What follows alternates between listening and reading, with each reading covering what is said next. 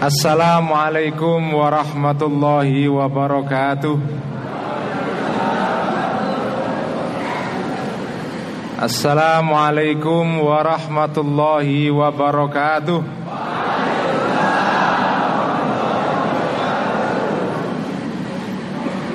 Bismillahirrahmanirrahim.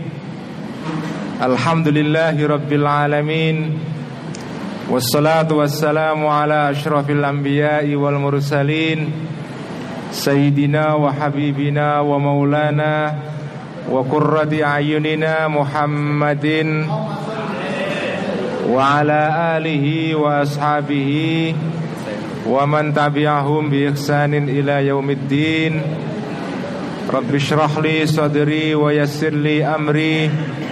Wahlul uqdatan min lisani yafqahu qawli Rabbi zidna ilma warzuqna fahma amin ya rabbal alamin Amma ba'du Para masyayikh, para romo kiai Para asatidah Wabil khusus kepada Ketua Tanfidiyah PCNU Kabupaten Mojokerto Kiai Abdul Azim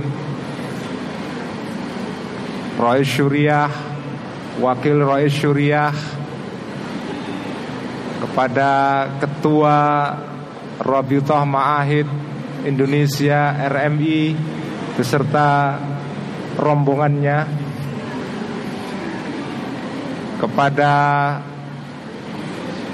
Bunyai Poro ibu-ibu nyai Para hadirin dan hadirat Nahdiyin dan nahdiyat Ansoriyin dan ansoriyat Mukminin mukminat Yang saya cintai semuanya. Pertama-tama Kaulo ngaturaken syukron jazilan Terima kasih yang sebesar-besarnya. Saged Mendatangi acara Kopdar Ihya Wonten kantor PCNU Kabupaten Mojokerto. Saya juga terima kasih dan mengucapkan syukron jazilan atas kerawuan panjenengan sedoyo ini suatu kejutan karena yang hadir kurang lebih 7 juta. Suatu kejutan yang luar biasa dan ngaji hyak malam ini cukup spesial karena ini adalah hari ulang tahun perkawinan saya yang ke-22.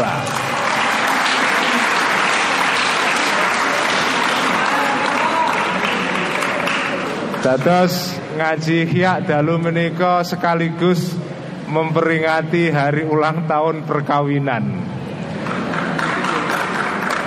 Engkang jomblo mboten nangsal iri. Kaulo rawuh mriki bersama estri kaulo Ning Inas Suraya yang selalu mengawal saya ke mana-mana sehingga saya merasa aman sentausa.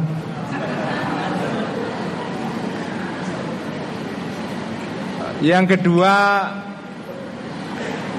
ini juga ngaji yang spesial karena diselenggarakan di kota Mojokerto di daerah yang dulu merupakan pusat kekuasaan politik di Jawa.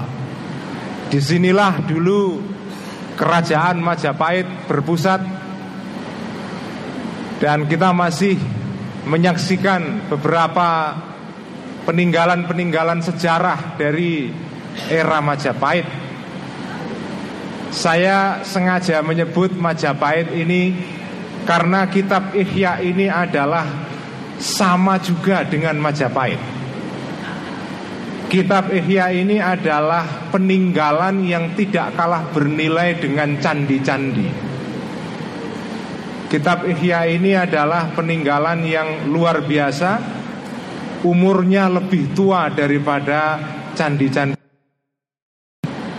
Karena kitab Ihya ini dikarang kurang lebih seribu tahun yang lalu Kerajaan Majapahit berdiri di Jawa sekitar abad 12, 11, 12, 13 Kitab Ihya ditulis pada abad 10 Masehi oleh Imam Ghazali dan umurnya sampai sekarang kurang lebih sudah hampir seribu tahun. Jadi Ihya ini juga merupakan kitab yang menjadi kebanggaan kita, terutama warga Nahdiyin ya. Sebab kita sebagai warga Nahdlatul Ulama di dalam ADART kita disebutkan bahwa kiblat Nahdlatul Ulama dalam bidang tasawuf itu dua tokoh. Yang pertama adalah Al-Imam Al-Junaid Al-Baghdadi. Yang kedua adalah Imam Ghazali. Terus Imam Ghazali menikah Imam kita semua warga Nahdiyin Di dalam bidang ilmu tasawuf. Terutama Al-Ghazali menikah menjadi kiblat dalam bidang tasawuf karena kitab Ihya menikah. Terus kita semua harus bangga menjadi warga Nahdiyin karena mewarisi tanda kutip candi yang luar biasa yaitu candi yang bernama Ihya Ulumiddin. Ini adalah candi cuma candi rohani. Candi yang nilainya luar biasa dan dan dipelajari oleh umat Islam di seluruh dunia bahkan juga dipelajari oleh orang-orang lain di luar agama Islam. Saya sering bercerita bahkan kitab Ihya ini diringkas juga oleh seorang ulama Yahudi di Spanyol dahulu dan dipakai sebagai pengajaran dalam bidang ilmu kerohanian untuk orang-orang Yahudi.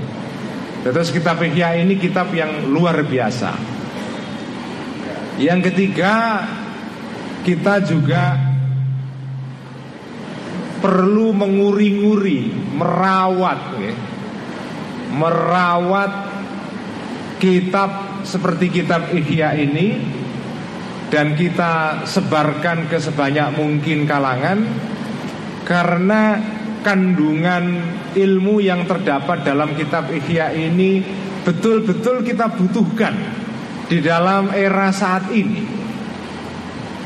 Kita membutuhkan kitab seperti kitab Ihya ini karena kitab ini memberikan kedalaman batin, kedalaman rohani untuk umat Islam.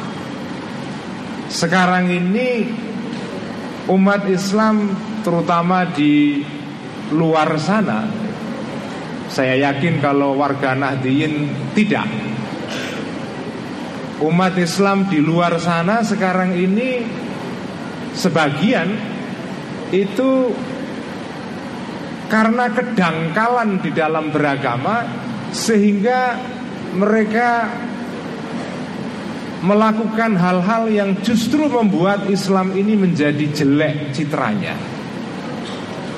Kitab Ihya ilmunya Imam Ghazali dan ilmu-ilmu ulama seperti beliau ini kita butuhkan sekarang ini terutama untuk memperdalam rohaninya orang-orang Islam saat ini.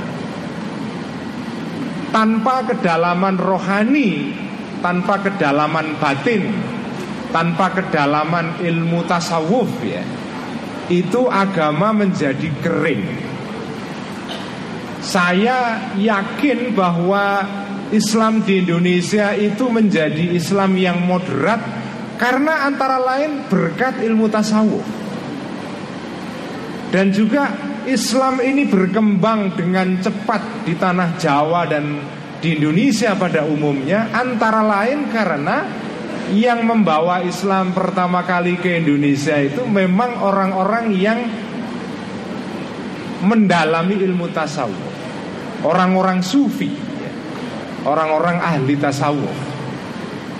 Sebagian orang-orang yang mendakwahkan membawa Islam ke Indonesia itu datangnya dari tanah Persia. Salah satunya adalah yang makamnya ada di mana? Di Trawulan Syekh Jumadil Kubro ya. Itu juga orang dari kawasan Iran, dari Samarkand Itu dahulu masih merupakan bagian dari kawasan Iran Itu kawasan tempat para wali-wali besar. Imam Ghazali itu juga berasal dari Iran Dari tanah Khurasan. Beberapa wali-wali besar itu datangnya dari daerah itu. Ibrahim bin Adham, Ma'ruf Al-Karhi Itu semua dari kawasan-kawasan Iran dan sekitarnya. Itulah mereka dulu yang membawa Islam ke Indonesia Orang-orang ini adalah orang-orang sufi.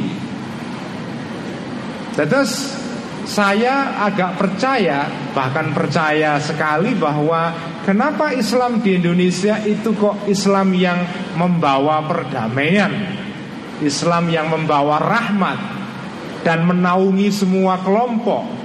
Seperti yang dicontohkan oleh warga Nahdien Itu antara lain karena ada ilmu tasawuf ini Terus kita wajib merawat warisan tasawuf ini Terutama ilmu dalam bidang tasawuf yang paling mudah difahami oleh semua orang kalangan itu kitab Ihya. Terus kitab Ihya ini kitab yang dulu waktu saya di pondok kitab Ihya ini memang dikaji oleh santri-santri yang senior.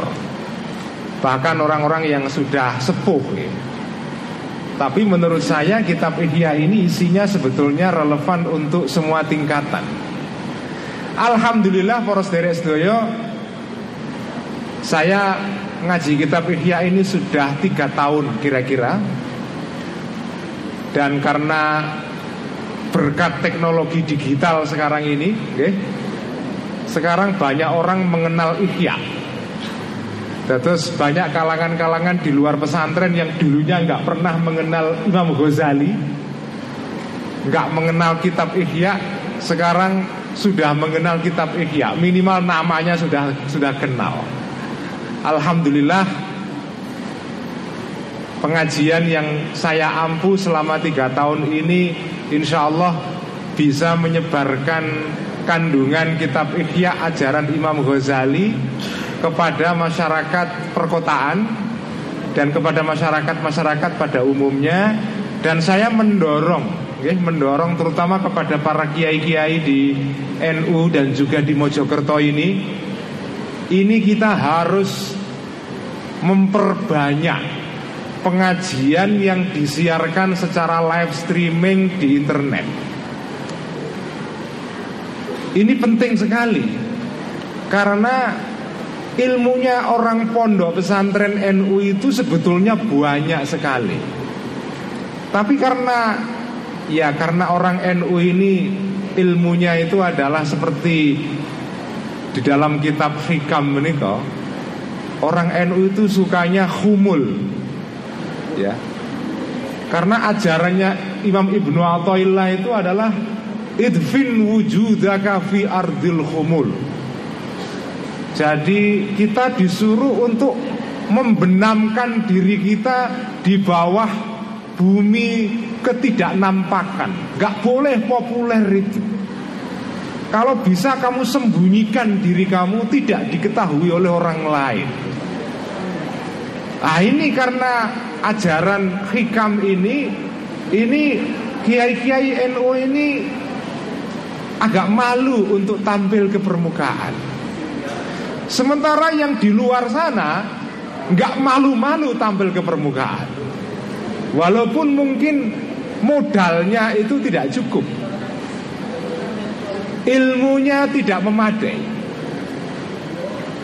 Tapi mereka berani tampil ke permukaan. Akhirnya okay, Akhirnya adalah Di dunia digital ini konten-konten isi-isi yang berkembang itu dipenuhi, didominasi, ya. dipun kuasai kali konten-konten kali video-video yang tidak berasal dari para romo-romo kiai dari pondok-pondok NU ini. Terus memang ajaran Imam Ibnu Athaillah menika idfin wujudaka fi ardil khumul. Tetapi karena zaman saat menika zaman yang agak kurang normal, rodo edan menika zaman saat menika. Terus ilmunya agak sedikit harus diubah. Nak zaman normal memang idfin wujudaka fi ardil khumul. Tapi ini bukan zaman normal. Ini zaman yang bahasa sekarang itu disebut dengan zaman disrupsi. Oke.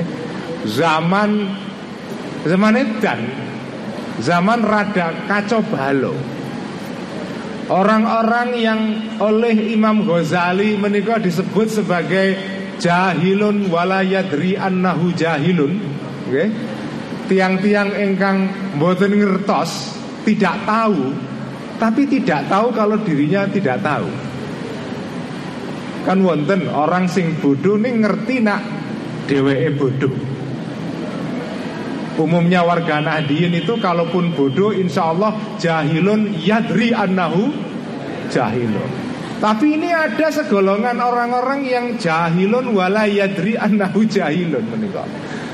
Nah menikah zaman disrupsi itu diisi oleh orang-orang yang kategorinya jahilun wala yadri annahu jahilun. Kemudian mereka ngomong soal agama dan segala macam Nah karena zamannya zaman disrupsi Sekarang ilmunya kalau bisa diganti. Jangan idfin wujudaka fi ardil humul. Tetapi ilmunya diubah. Harus dinampakkan keluar. Oke. Di dinampakkan di dalam ardus zuhur. Dalam bumi kenampakan. Jangan humul Ardul humul itu kalau situasinya normal. Sekarang ini situasinya tidak normal Karena itu kita perlu menampakkan ilmu-ilmu semacam ini. Karena itu saya mendorong Kiai-kiai Wonten Mojokerto meniko okay? Nak sakit pengajiannya Kalau bisa di, disiarkan. Kalau bisa ada pengajian yang resmi oleh RMI dari PCNU Mojokerto Dibuat siaran Menikah penting sekali. Ngaji apa saja? Ngaji ta'lim muta'alim Hidayatul hidayah Minhajul abidin Risalatul mu'awana Takrib Bahkan jurumiyah. Oke, Jurumiyah ini penting. Jurumiyah ini penting sekali. Ya, Jurumiyah ini ilmu yang perlu disebarkan ke sebanyak mungkin kalangan. Jurumiyah itu bukan saja ilmu nahwu tapi juga ilmu tentang berpikir yang sehat. Berpikir yang sehat. Sekarang banyak orang yang tidak sehat pikirannya. Terutama gara-gara pilpres kemarin itu. Banyak orang yang tidak sehat pikirannya. Mungkin perlu diobati dengan disuuk dengan jurumiyah. Perlu itu. Mari malam ini kita akan ngaji kitab Ihya saya ngaji kitab Ihya menika menggunakan metode pesantren. Ngajinya dibaca kata per kata. Nanti diterangkan sebisa mungkin dihubungkan dengan keadaan sekarang. Dan kebetulan malam ini ngaji Ihya itu sampai di bab soal lapar Ini agak kurang menarik sebetulnya. Panganan kuatah temriko nih ini malam ini kita bicara soal fadilatul ju' keutamaan lapar. Tetapi jangan khawatir ini bagian yang akan kita baca ini ini ilmu untuk melawan gaya hidup sekarang yang serba konsumeristis. Hidup yang serba israf, berkelebihan dalam mengkonsumsi apa saja Terus menikah sebagai pengingat ngaji malam ini sebagai pengingat bahwa kita walaupun hidup di dalam era konsumerisme tapi kalau bisa tetap eling lan waspodo okay? eling lan waspodo supaya kita tidak terjebak di dalam konsumerisme yang tidak sehat mari kita ngaji malam ini dengan dibuka dengan menghadiahkan Al-Fatihah kepada Imam Ghazali. Ila ruhi nabiyina wa syafiina Muhammadin sallallahu alaihi wasallam. Wa ila arwahil anbiya'i wal mursalin. Wa ila arwahil ali wal ashabi ajma'in. Wa ila arwahil awliya'i wasyuhada'i was salihin. Khususan ila ruhi sultanil awliya Syekh Abdul Qadir Al-Jilani wa ila arwahi al-awliya ashabit turuqil mu'tabarah wa ila arwahi aulia wali songo fi ardi Jawa wa ila arwahil muallifin wal musannifin khususan muallif kitab Ihya Ulumuddin Hujjatul Islam Aba Hamid Al-Ghazali qaddasallahu sirrah wa nawwara darihah wa aada alaina min barakatih wa ila arwahi muassisi jam'iyat Nahdlatul Ulama wa muassisi baladina Indonesia ghafarallahu dhunubahum wa satara uyubahum wa yu'li darajatihim syai'un lillahi lahumul fatihah a'udzu billahi minasy syaithanir rajim bismillahir rahim alhamdulillahi arrahmanir maliki yaumiddin iyyaka na'budu wa iyyaka nasta'in ihdinas siratal mustaqim siratal ladzina an'amta 'alaihim ghairil maghdubi 'alaihim waladdallin amin. Bismillahirrahmanirrahim. Sudah mendapatkan teks ihya guys ya oke Insyaallah oke Ini kalau bisa teks ihya ingkang wonten panjenengan sedaya menika mangke nak rampung ngaos ampun dipun buang teng tempat sampah. Karena itu semua yang Anda pegang itu adalah Imam Ghazali. Terus Dalu menika kita niatkan sowan datang Imam Ghazali. Terus fotokopian menika menika kados Imam Ghazali ingkang kita sowani. Terus mangke selesai ngaos nak saged dipun beto wangsul di figura di rumah kalau bisa. Gue jimat nggih kersane angsal berkahipun Imam Ghazali nggih ampun sekali-kali dipun buang wonten tempat sampah kualat pakai Mari kita baca halaman 970 Paragraf kedua eh, Paragraf ketiga Inggih menika Al-Faidatur Rabi'ah. Al-Faidatur Rabi'ah paragraf terakhir. Faedah keempat dari kenapa kita harus lapar menikah okay. Al-Faidatur Rabi'atu Faedah yang keempat dari lapar. Alayansa Agar tidak lupa. Orang, seseorang, manusia yang lapar tidak lupa bala Allahi terhadap cobaan Allah.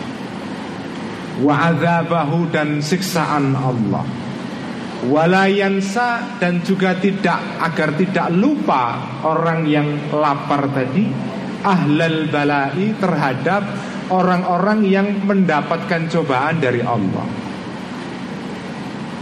Fa inna karena sesungguhnya orang yang kenyang okay, Orang yang suka wisata kuliner. Wah, menika Fa inna karena sesungguhnya orang yang suka wisata kuliner lalu menjadi kenyang. Yansa akan lupa al jai'a terhadap orang yang lapar. Orang yang kenyang nggak nggak ingat lagi kepada penderitaan orang-orang yang lapar.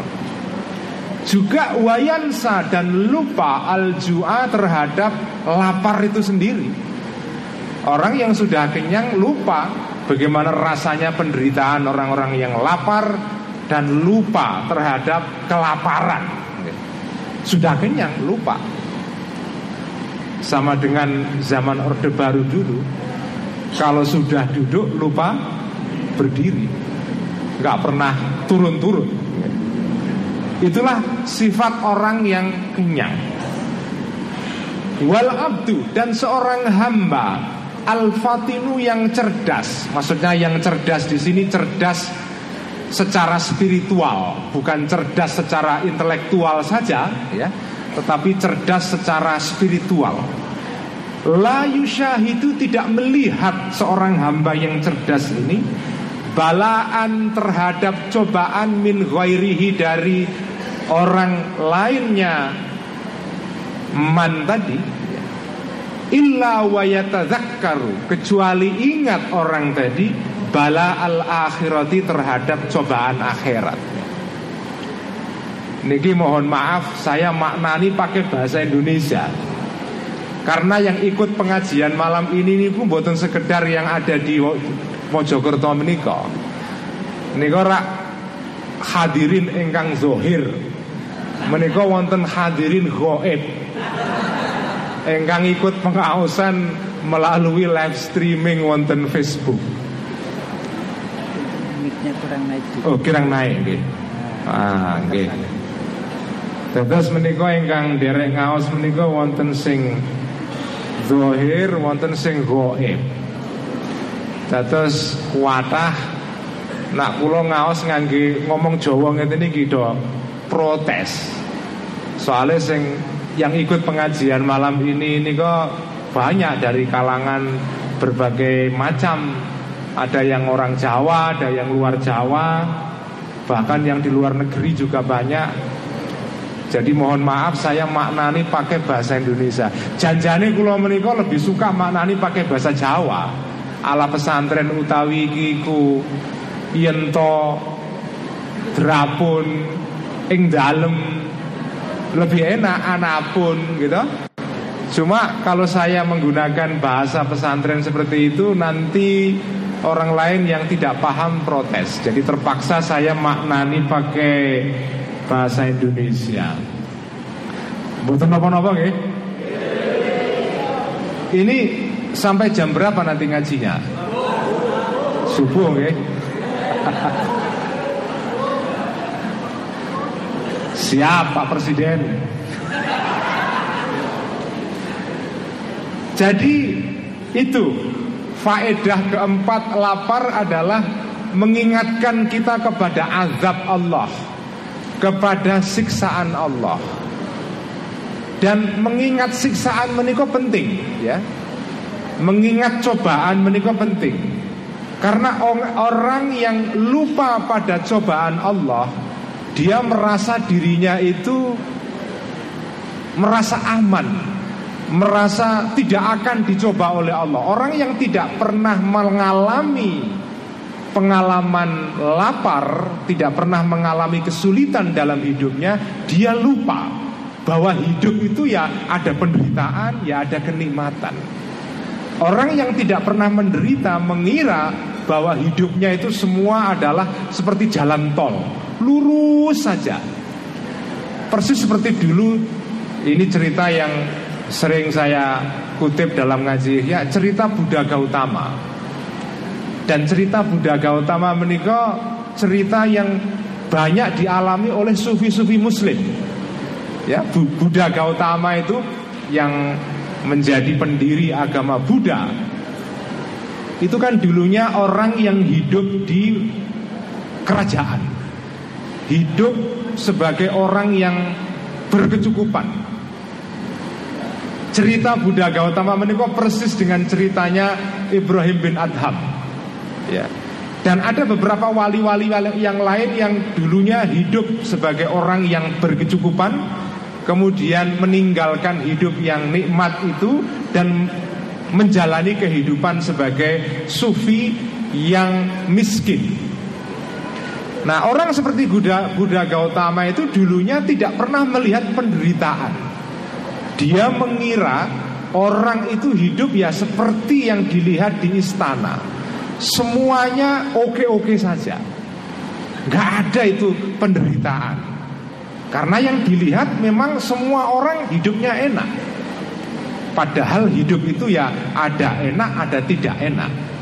Ketika Buddha Gautama itu melihat pertama kali orang menderita itu shock, kaget. Akhirnya dia meninggalkan kehidupan yang nikmat dan berkecukupan itu dan kemudian menjadi seorang pertapa. Persis seperti kehidupannya Ibrahim bin Adham. Juga Ma'ruf Al-Karhi. Itu sama. Terus mengingat cobaan, mengingat azab Allah itu itu penting untuk mengingatkan kita bahwa hidup itu berwarna-warni. Ada enak, ada tidak enak. Ada siksa, ada nikmat. Ada nikmah, ada nikmah. Itulah pentingnya kita lapar supaya kita melihat hidup itu tidak satu warna saja. Hidup itu tidak monokromatik istilahnya, satu warna. Hidup itu ya warnanya banyak. Ada yang menderita, ada yang tidak menderita.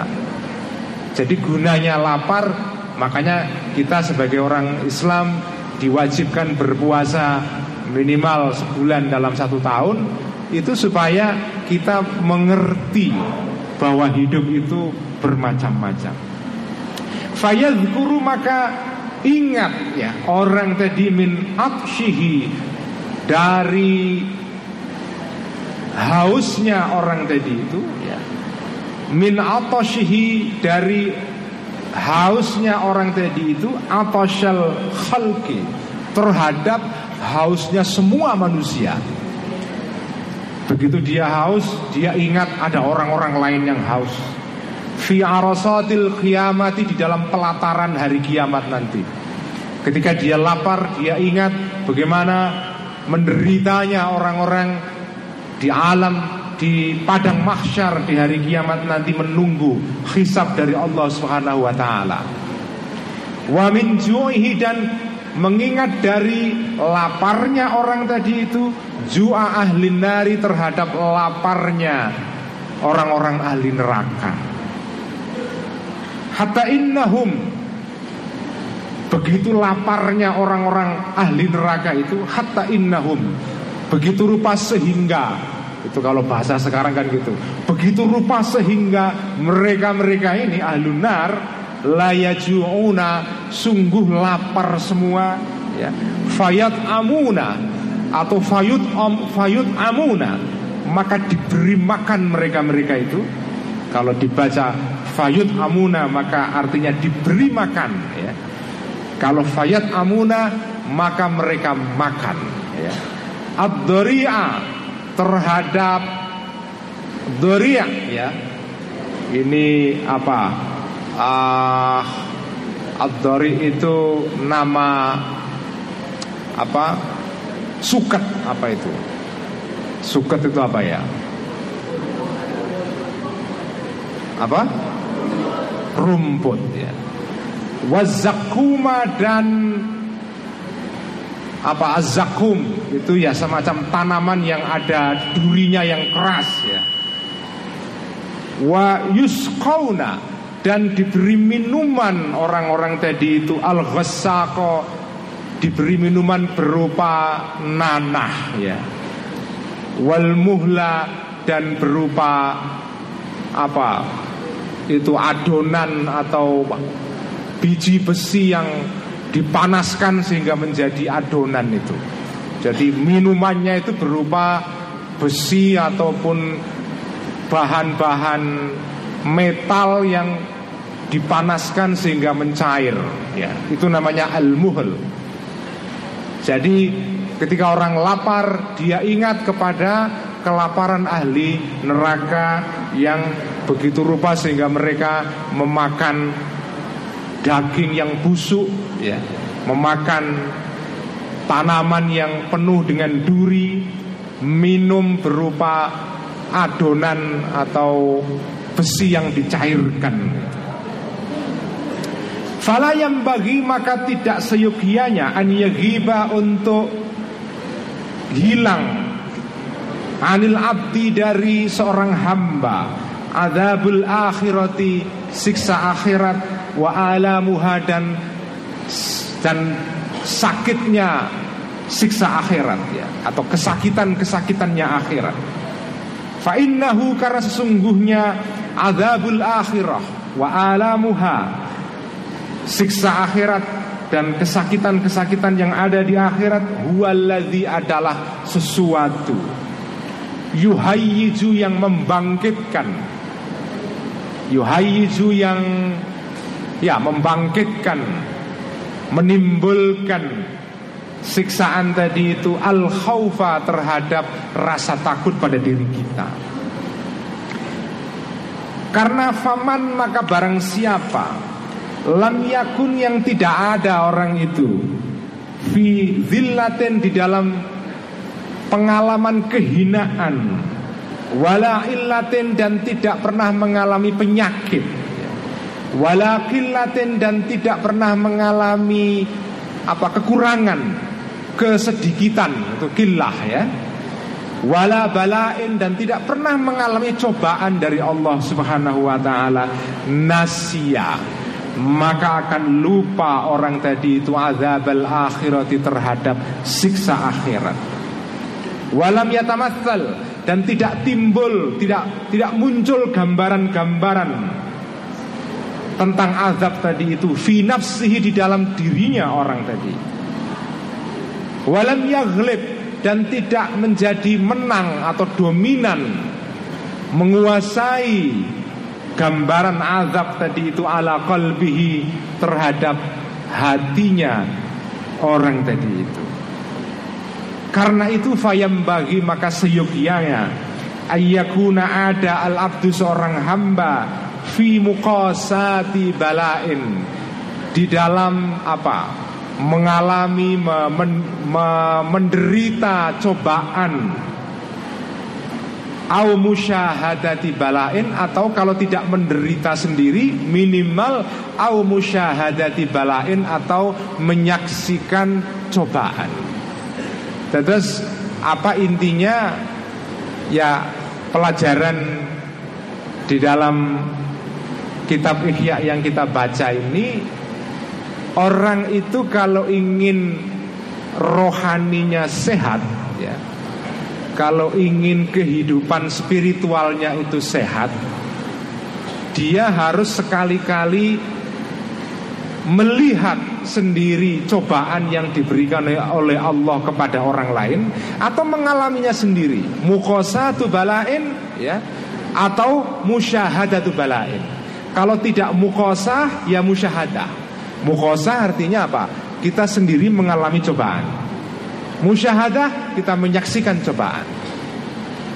Kalau orang tidak pernah melihat cobaan sama sekali dalam hidupnya maka dia bisa lupa. Karena itu lapar, haus, pengalaman-pengalaman penderitaan ya, itu penting untuk membuat hati manusia menikah lunak. Dalam bagian sebelumnya diterangkan orang yang tidak pernah mengalami pengalaman ingkisar.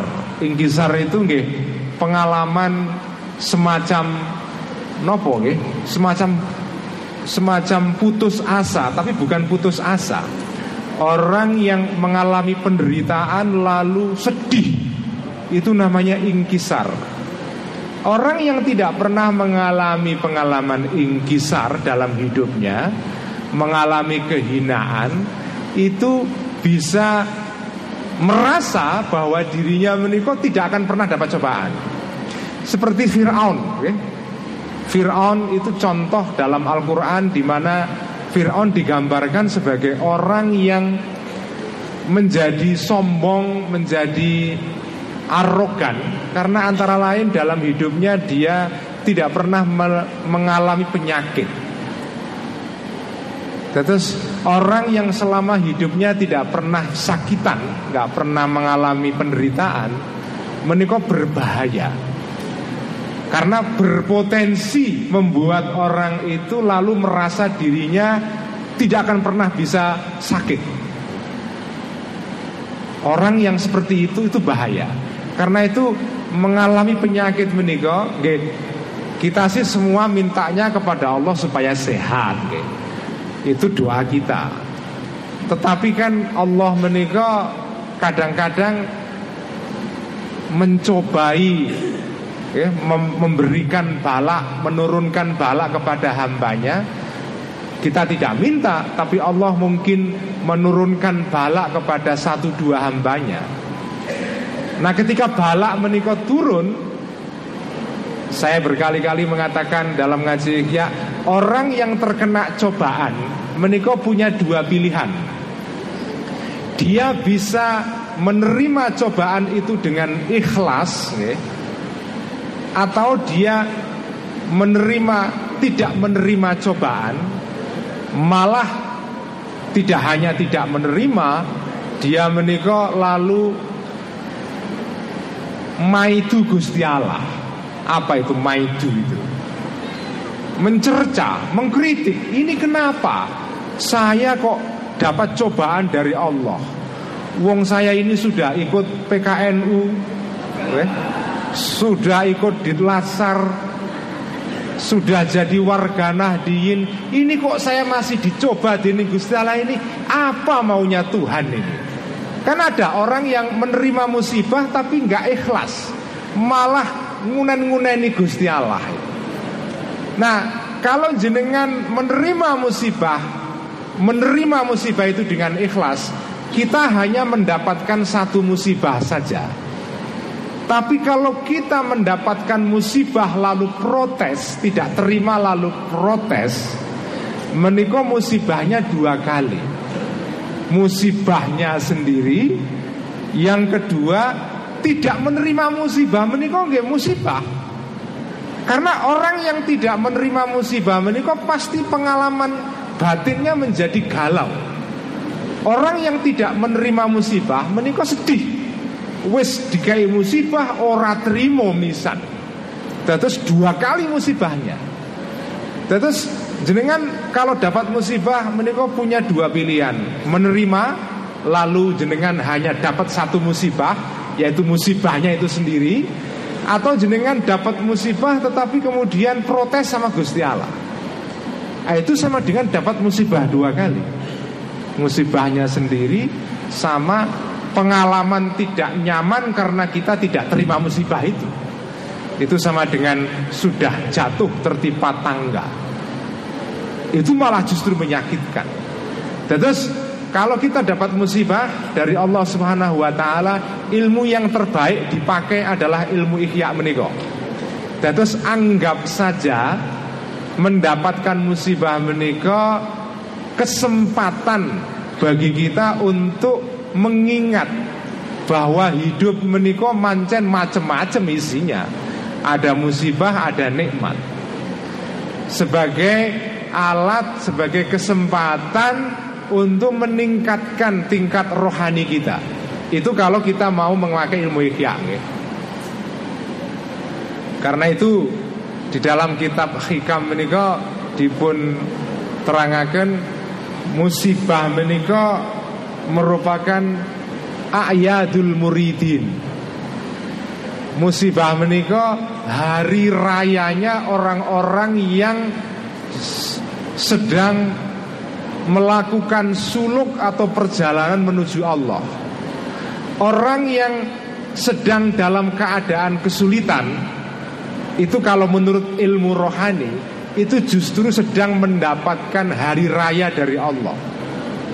Pada saat dia sedang mengalami kenikmatan itu justru mendapatkan cobaan. Terus musibah menikah hari raya. Dan sebetulnya para saudara sedaya okay, banyak orang menikah dalam hidupnya menjadi sangat kreatif pada saat dia miskin. Bangsa-bangsa di dunia menikah banyak sekali yang menjadi bangsa yang justru kreatif pada saat menerima musibah. Pada saat kita menjadi kaya, nikmat sedang berkelimpahan menikah malah malas. Makanya pelajaran dari kitab hikam menikah penting. Musibah menikah ayat. menika Id nggih, Idun ayat, hari raya. Tetapi kalau disikapi dengan benar karena ada juga orang yang dapat musibah ya ya berlalu saja tidak mendapatkan manfaat apa-apa dari musibah. Makanya ini kan ngaji kitab Ihya menika bisa menimbulkan salah paham. Ini kok Imam Ghazali mengatakan fadilatul ju. Napa? Keutamaan lapar. Ini apakah orang NU diharapkan semua miskin semua ini? Apakah lembaga ekonomi NU harus ditutup? Apakah rumah sakit nama Sakinah seberang jalan menikah harus dihentikan? Kok lapar kok utama menikah sepundi wong sekarang program pemerintah itu untuk mengangkat kemiskinan kok malah menika mempromosikan kelaparan menika. Ah menika nak jenengan memahami ikhya keliru, sakit punya pengertian, punya punya pemahaman bahwa Imam Ghazali menika menyuruh kita untuk lapar. Menika mboten betul. Karena itu sebagian orang ada yang mengatakan bahwa kitab Ihya ini sumber kemunduran orang Islam. Ada yang menuduh Nggih, sebagian. Oh, ihya ini sumber kemunduran orang Islam. Kenapa dunia Islam sekarang mundur, terbelakang, tertinggal dari dunia-dunia yang lain? Karena yang menang di dunia Islam itu adalah Imam Ghazali dengan ihyaknya ini. Nah, menikah salah, okay? keliru, persepsi yang keliru. Harus dibedakan antara lapar dengan kelaparan. Okay? antara lapar dengan kelaparan. Kalau kelaparan itu sesuatu yang tidak baik. Bahkan kaji Nabi bersabda, "Kadal fakru an yakuna kufran." Fakir itu bisa menimbulkan kekafiran. Terus kelaparan bukan sesuatu yang baik, bahkan harus diperangi, harus dientaskan orang-orang yang lapar dan kemiskinan menikah. Tetapi itu kelaparan. Jadi kalau kelaparan itu program pemerintah. Tetapi kalau lapar itu lain. Oke. Ada orang-orang yang memang memilih lapar untuk menjalani, untuk meningkatkan rohaninya, untuk suluknya. Itu yang kemudian dicerminkan oleh doa kanjeng Nabi Allahumma ahyini miskinan wa amitni miskinan. Kanjeng Nabi menika doanipun nggih. Ya Allah, mugi panjenengan paringi kula miskin dalam hidup menika mangke nak kula meninggal nggih. Kula meninggal dalam keadaan miskin. Ini orang yang lapar karena pilihan Bukan karena kelaparan Kanjeng Nabi itu kalau mau Mau wisata kuliner Oh sudah lebih dari mampu ya. Karena sahabat-sahabat yang siap untuk menyuplai makanan mereka nggak kurang-kurang. Tapi kanjeng Nabi kan memilih untuk hidup miskin. Bukan karena kemiskinan, memilih untuk hidup miskin. Kiai-kiai NU meniko banyak yang Allahumma ahyini miskinan wa amitni miskinan. Ya. Kalau kiai kiai eno menikah miskin karena pilihan. Ada juga sebagian karena kepaksaan juga. Tapi umumnya kiai kiai eno menikah memilih hidup sederhana, okay? tidak berkelebihan. Terus maknanya kitab Ihya menikah mboten terus menganjurkan lapar kelaparan terus kita tidak boleh mengentaskan kemiskinan bukan begitu ini adalah pilihan Kalau jenengan ingin meningkatkan kehidupan rohani Melakukan tahdibun nafas Membersihkan hati Menikah salah satu jalannya adalah Mengurangi intake Mengurangi asupan makanan kita Supaya kita tidak terganggu oleh makanan Supaya kita bisa konsentrasi Untuk mengingat Allah, untuk ibadah, untuk munajat dan seterusnya. Terus dibedakan nggih antara kelaparan dengan lapar. Kelaparan menika kondisi kemiskinan, tapi lapar ingkang dibicarakan Al-Ghazali menika lapar sebagai pilihan untuk meningkatkan napa makom rohani kita sehingga kita bisa mendekat kepada Allah wa taala. Dan seperti tadi saya katakan orang-orang yang dalam keadaan kesulitan kadang-kadang justru lebih kreatif daripada pada saat dia dalam keadaan berkecukupan. Mahasiswa-mahasiswa niku, nggih.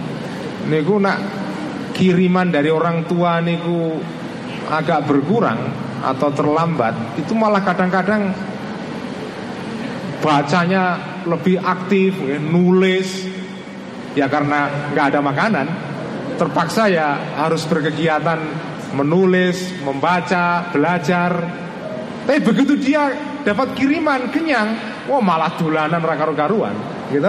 Seringkali orang menikah malah dalam keadaan berlebihan menikah malah kuali Orang yang dalam kesulitan justru malah lebih banyak kegiatannya daripada pada saat dia kenyang menikah. Terus Lapar menikah janjane nak nak disadari sebagai pilihan spiritual ya. Menikah mendatangkan banyak manfaat dibandingkan kalau kita kenyang. Wa aula wa aula ma yuqasihi minal bala'i al ju' ya. Wa aula ma dan lebih utamanya sesuatu yuqasi yang menderita seseorang hu hi terhadap ma tadi itu. Minal balai berupa cobaan. Al ju'u adalah lapar. Terus nak jenengan kepingin mengalami pengalaman dicoba di Gusti Allah menika latihannya adalah lapar itu. Fa inna fihi karena sesungguhnya di dalam lapar ini fawaida ada beberapa faedah-faedah. Jamatan yang banyak sekali siwa tadzakuri azabil akhirati selain membuat ingat kepada siksaan akhirat. Banyak sekali. Sampun diterangkan sebelumnya ada faedah pertama, faedah kedua, faedah ketiga, mangke wonten uh, faedah kelima. Terus ada banyak faedah dari lapar menikah.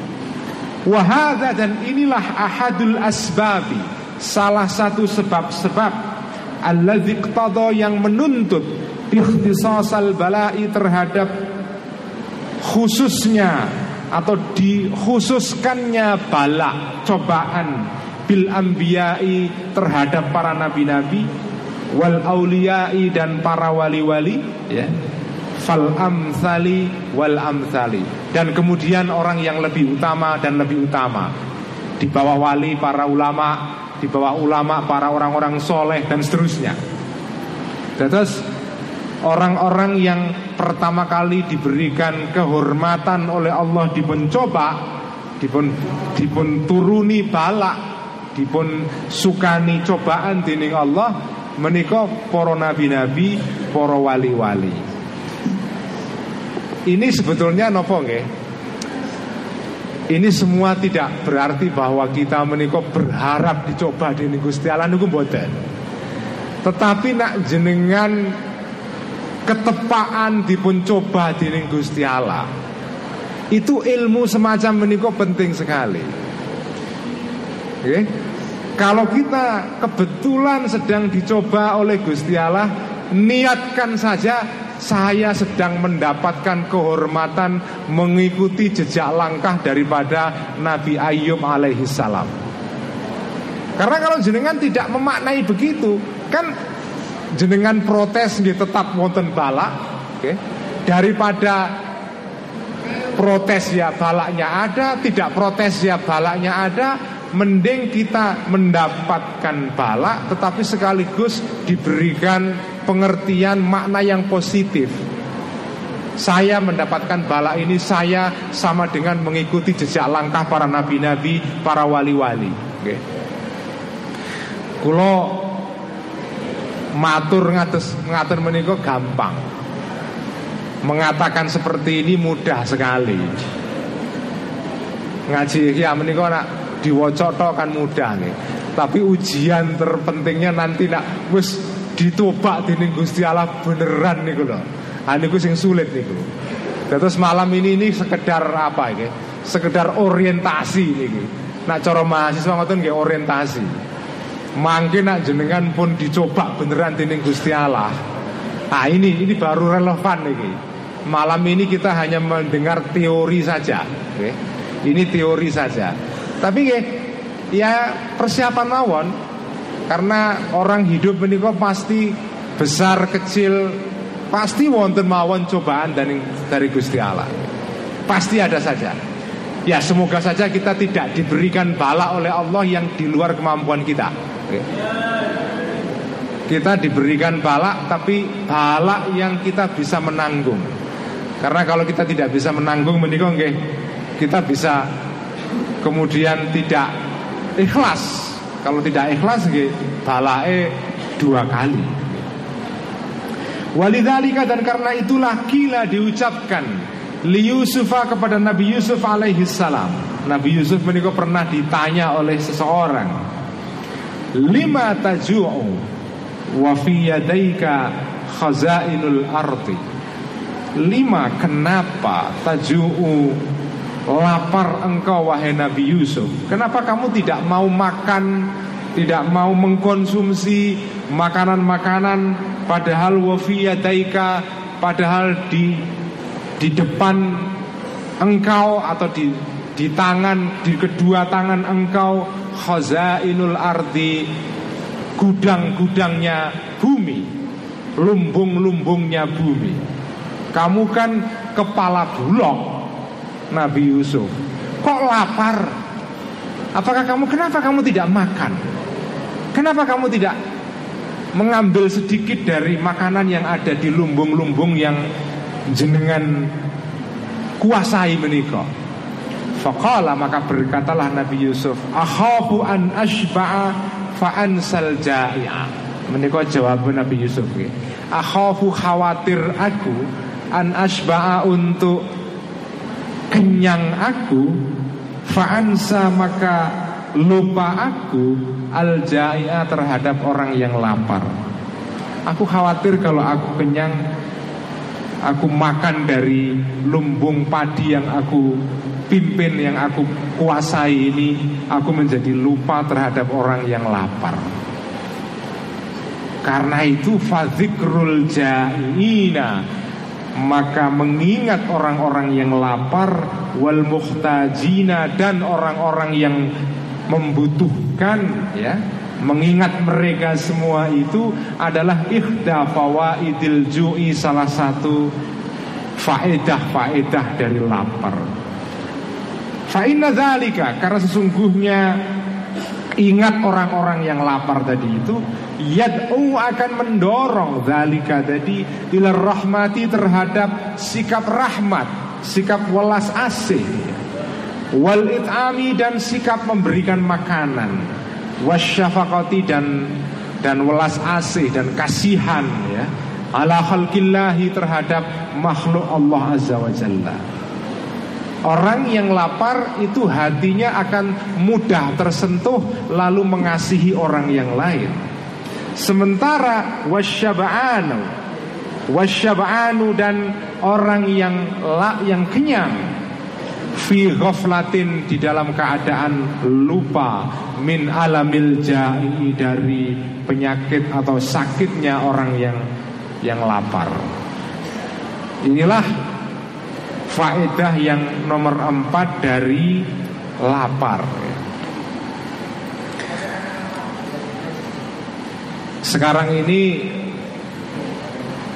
ada banyak data yang menunjukkan di dunia modern sekarang menikah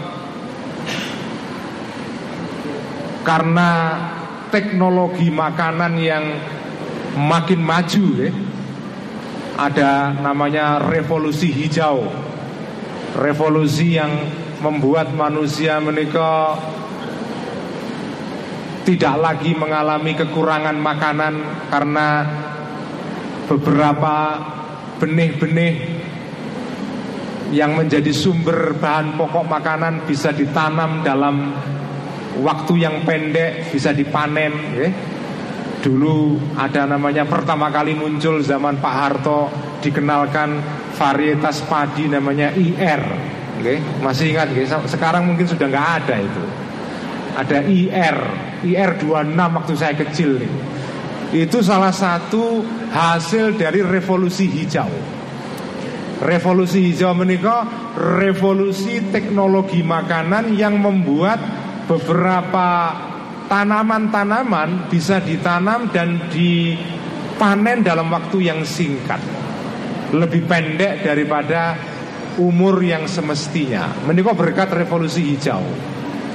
Nah berkat revolusi hijau menikah banyak jutaan orang yang diselamatkan dari kelaparan Tetapi revolusi hijau menikah yang membawa dampak Dampaknya banyak sekali Sudah banyak dikritik oleh para aktivis lingkungan ya.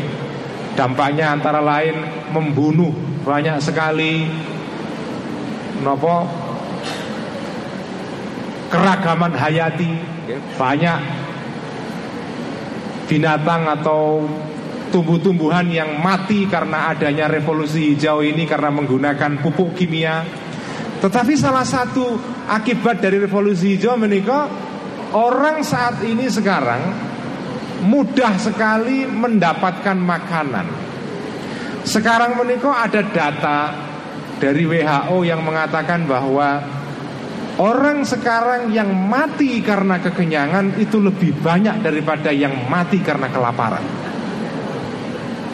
Dados sak menika nika wadah wong sing mati ora karena ngelih, boten karena luwe, tapi matinya justru karena warget. Untuk pertama kali dalam sejarah manusia, orang yang mati karena kenyang melebihi jumlahnya daripada orang yang mati karena lapar.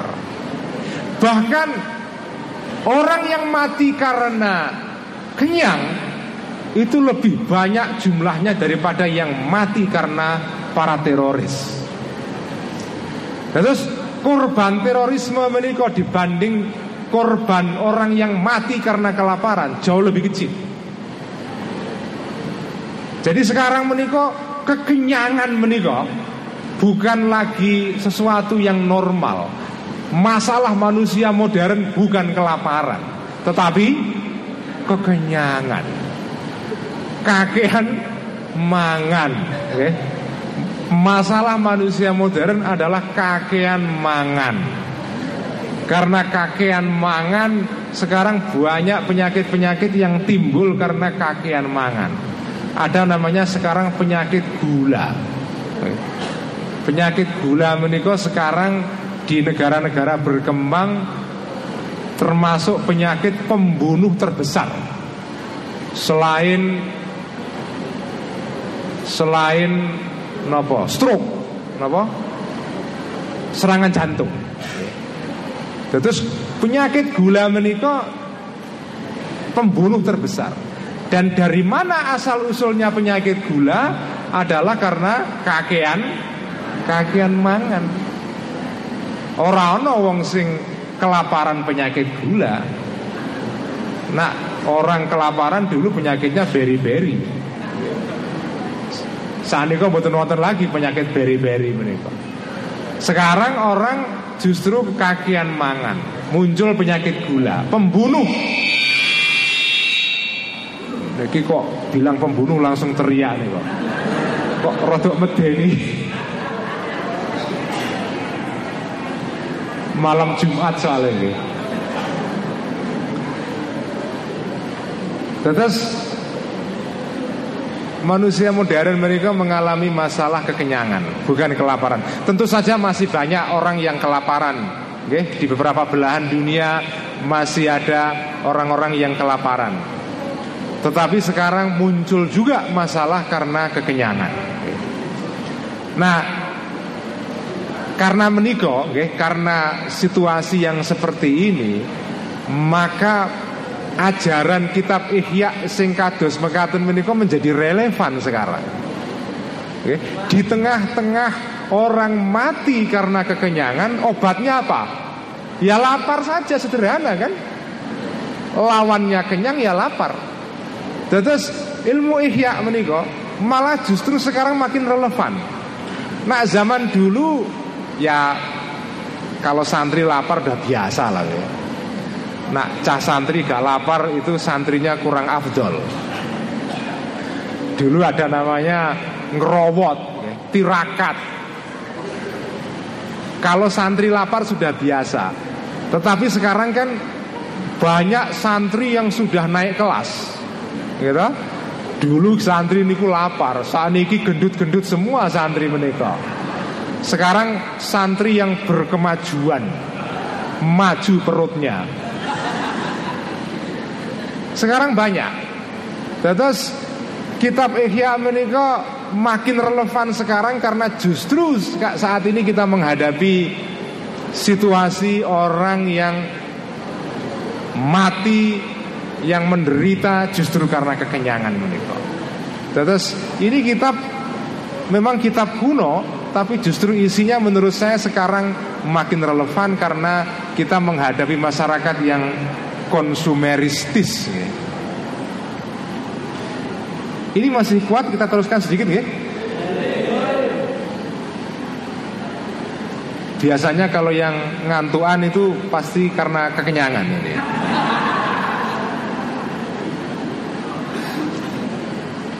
Sekarang kita teruskan. Kita teruskan sampai Al-Faidatul Khamisah. Nanti kita berhenti, setelah berhenti kita makan. Al-Faidatul Khamisatu, faidah yang kelima. Nah ini yang paling penting Wahia dan ka faedah kelima ini Amin akbaril fawaidi Salah satu faedah yang terbesar Faedah kelima lapar adalah Kasru syahawatil ma'asi Menaklukkan Menundukkan Memecah Syahwat-syahwat maksiat Kulliha semuanya Orang yang lapar itu syahwat untuk maksiatnya itu langsung drop. Itu faedahnya lapar. Wal istila'u dan menguasai. Lapar ini bisa membuat orang untuk menguasai alam nafsi terhadap ego, terhadap diri, ego. Tetapi ego yang negatif karena ego menikah banyak. Ada ego yang positif, ada ego yang negatif. Di sini maksudnya ego yang negatif, yaitu ego atau aku al ammarati yang memerintahkan besui terhadap kejahatan. Terus lapar itu adalah sarana untuk menundukkan ego manusia yang destruktif, yang merusak mereka. Fa inna man sya'al ma'asiyah Fa inna man sya'al ma'asi. Karena sesungguhnya sumbernya maksiat-maksiat Kulliha semuanya adalah asyahawatu Syahwat-syahwat Wal kuwa dan daya-daya nopo Daya-daya negatif yang ada pada diri kita. Menikah sumber dari segala maksiat. Terus maksiat itu sumbernya syahwat. Syahwat hanya bisa ditundukkan dengan lapar. Wa maddatul quwa wasyahawati wa maddatul quwa dan nopo bahan pokoknya kekuatan-kekuatan hawa nafsu wasyahawati dan syahwat-syahwat kesenangan-kesenangan lama halata pasti adalah khabarnya wa maddatul quwa al atimatu adalah makanan-makanan. Jadi makanan menika bahan bakar yang akan menyulut menghidupkan syahwat kita. Jadi kalau makanan dikurangi syahwat juga drop. Makanan ditambah syahwat naik. Terus menika inilah matematika algoritmanya maksiat menika. Okay. Maksiat menikah sumbernya syahwat Syahwat menikah bahan pokoknya Bahan bakarnya adalah makanan Terus makanan dikurangi Syahwat berkurang, maksiat berkurang Itu matematika maksiat Matematika dosa okay? Matematika dosa Makanan dikurangi, syahwat berkurang, maksiat berkurang Makanan ditambah, syahwat bertambah, maksiat bertambah. Itulah itulah rumus matematika dosa. Karena itu fatakliluha maka menyedikitkan makanan atimah yudhifu bisa melemahkan ya taklil tadi kulla syahwatin semua syahwat. Wa kuwatin dan daya-daya negatif dalam diri manusia wa innamas sa'adatu dan sesungguhnya kebahagiaan. Kulluha semuanya. Semuanya. Sumber kebahagiaan menikah fi an yamlika. Di dalam bisa menguasainya ar-rajulu seorang laki-laki. Ya di sini laki-laki dan perempuan. Okay? bukan hanya laki-laki saja. Kalau disebut laki-laki itu hanya gaya bahasa. Okay? Dalam ilmu balaghah itu ada gaya bahasa ya. Uh, figure of speech ya. Gaya bahasa namanya at-taglib terus ada banyak orang tapi disebut salah satu saja tapi maksudnya semuanya. Menawi wonten Quran dipun sebutaken ya ayyuhalladzina amanu kutiba alaikumusyamu niku matine mboten Wahai orang-orang beriman laki-laki Maka diwajibkan kepada kalian berpuasa Yang perempuan tidak wajib. Bukan begitu. Oke? Okay? Ya ayuhalladzina amanu di situ memang redaksinya laki-laki Tetapi perempuan juga masuk. Assalamualaikum warahmatullahi wabarakatuh. Menikah artinya Buatan kok salam kagem poro nahdiyin saja. Nahdiyat enggak? Masuk juga. Menikah namanya gaya bahasa at-taglib okay? Satu disebut tetapi yang dimaksudkan semuanya. Satu dimenangkan tapi sebetulnya maksudnya untuk semuanya. Terus As-sa'adah okay? Kebahagiaan itu fi'an yamlika di dalam menguasai, bisa menguasai ar-rajulu seorang laki-laki dan perempuan juga nafsahu terhadap dirinya seorang laki-laki tadi. Kebahagiaan adalah kalau kita bisa menguasai diri. Wasyakawatu dan sesungguhnya kecelakaan. Kecelakaan atau kebinasaan atau ketidakbahagiaan. Fi antamlika di dalam menguasai hu kepada seorang rojul tadi nafsuhu dirinya seorang rajul. Orang yang bahagia adalah orang yang bisa menguasai diri. Orang yang celaka adalah orang yang dikuasai oleh dirinya. Sederhana ya Orang yang bahagia adalah yang bisa mengontrol dirinya Orang yang celaka Orang yang dikontrol dirinya As-sa'adatu fi an yamlika rajulu nafsahu Wasyakawatu fi an tamlikahu nafsuhu Ini rumus yang penting sekali Engkang sakit jenengan Bekto pulang ya. Mangke dipun eling-eling niki. Pokoknya kunci kebahagiaan adalah kalau kita bisa mengontrol diri. Kalau kita dikontrol oleh diri kita pasti celaka. Niki janjane buatan sekedar ilmu ilmu nopo nggih, ilmu tasawuf. Tetapi ilmu dalam semua hal. Ilmu dalam semua hal. Orang yang bisa mengontrol dirinya itu akan bahagia karena dia sukses. Jenengan delok lah orang-orang besar yang sukses di dunia menikah biasanya adalah orang-orang yang mampu mengontrol dirinya. pemain-pemain bola yang hebat menika nggih kados Cristiano Ronaldo Lionel Messi nggih Neymar siapa lagi sekarang Sanchez itu itu orang yang orang pemain-pemain bola besar menikah sakit menciptakan gol kalau dia bisa mengontrol bola. Orang yang bisa mengontrol bola karena dia bisa mengontrol dirinya. Kalau bola tidak bisa dikontrol, ya nggak akan jadi gol, nggak akan mencapai tujuan. Gol itu kan tujuan. Terus janjane ini bukan sekedar ilmu tasawuf, niki ilmu dalam semua hal. Orang yang bahagia adalah orang yang bisa mengontrol dirinya. Orang yang celaka, orang yang dikontrol dirinya. Niki ini ilmu ilmu sederhana tapi penting relevan untuk semua hal. Kalau orang NU bisa mengontrol dirinya, NU sukses. Tapi kalau NU dikontrol oleh orang lain, maka tidak sukses.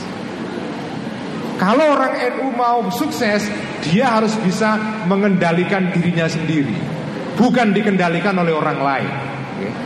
Itu itu itu itu kunci. Okay? Terus ini bisa diterapkan dalam semua hal. Bangsa Indonesia itu bisa sukses kalau dia bisa mengontrol dirinya sendiri, bukan dikontrol oleh orang lain. Itulah sumber kebahagiaan. Mengontrol diri bukan dikontrol oleh orang lain. Kama kila sebagaimana diucapkan atau ditanyakan liba'dihim kepada sebagian para ahli-ahli sufi, ahli tasawuf kepada sebagian para wali-wali.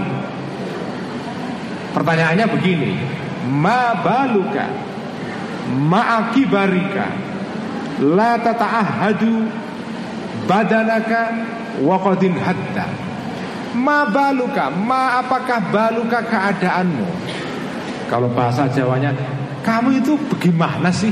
Kamu itu piye? Ma kibarika bersama kebesaran kamu.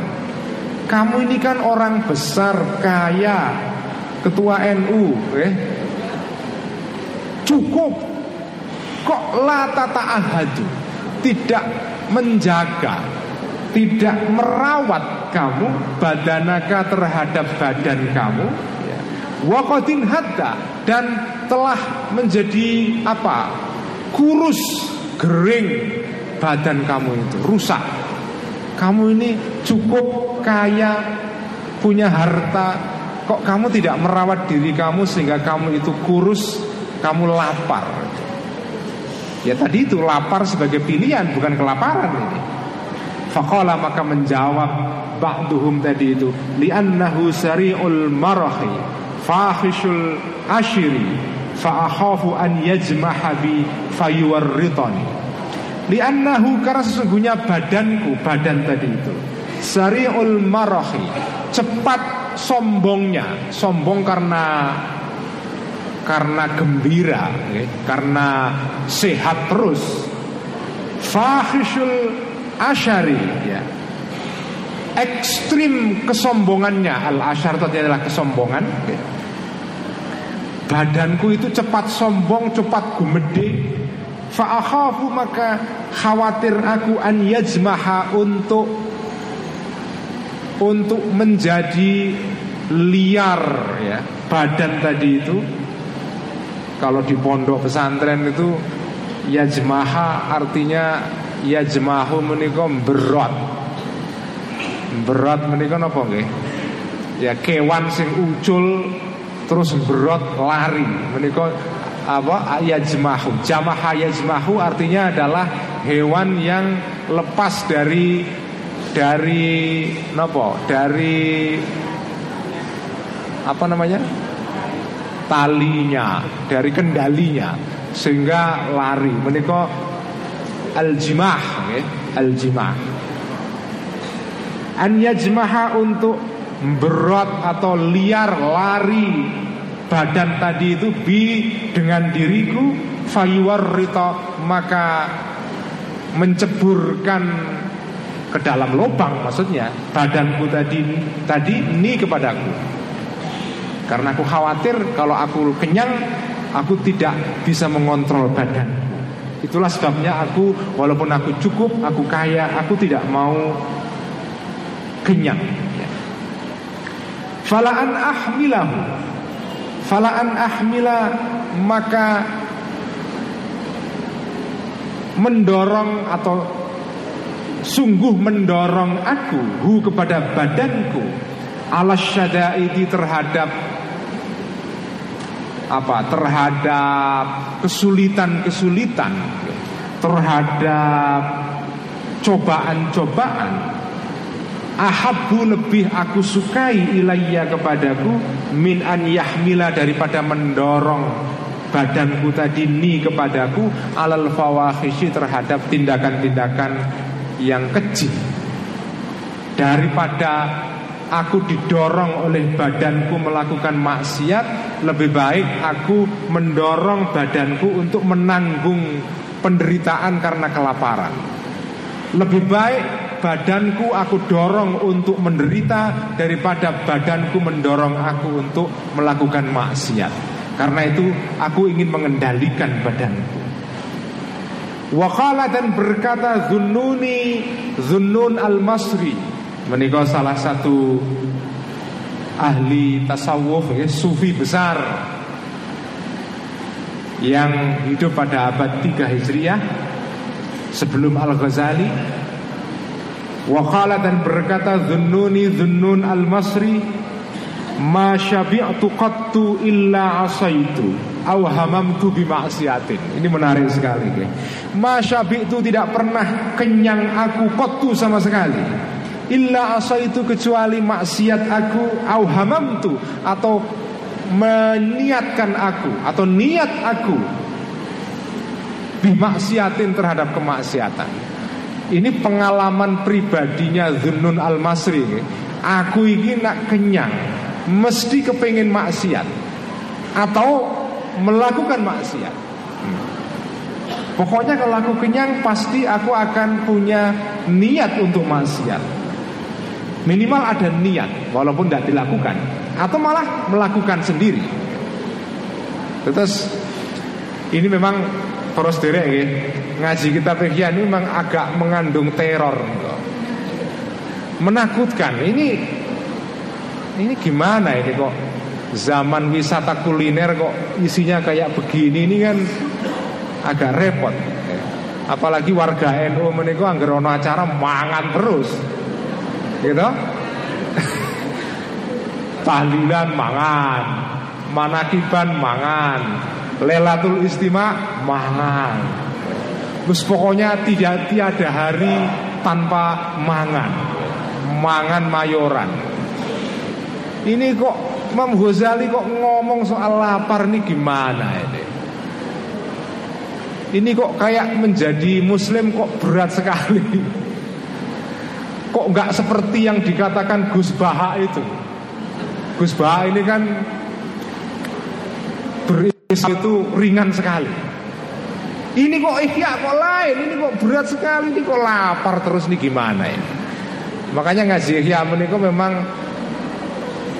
kalau tidak dipahami secara proporsional bisa menimbulkan teror mental mereka.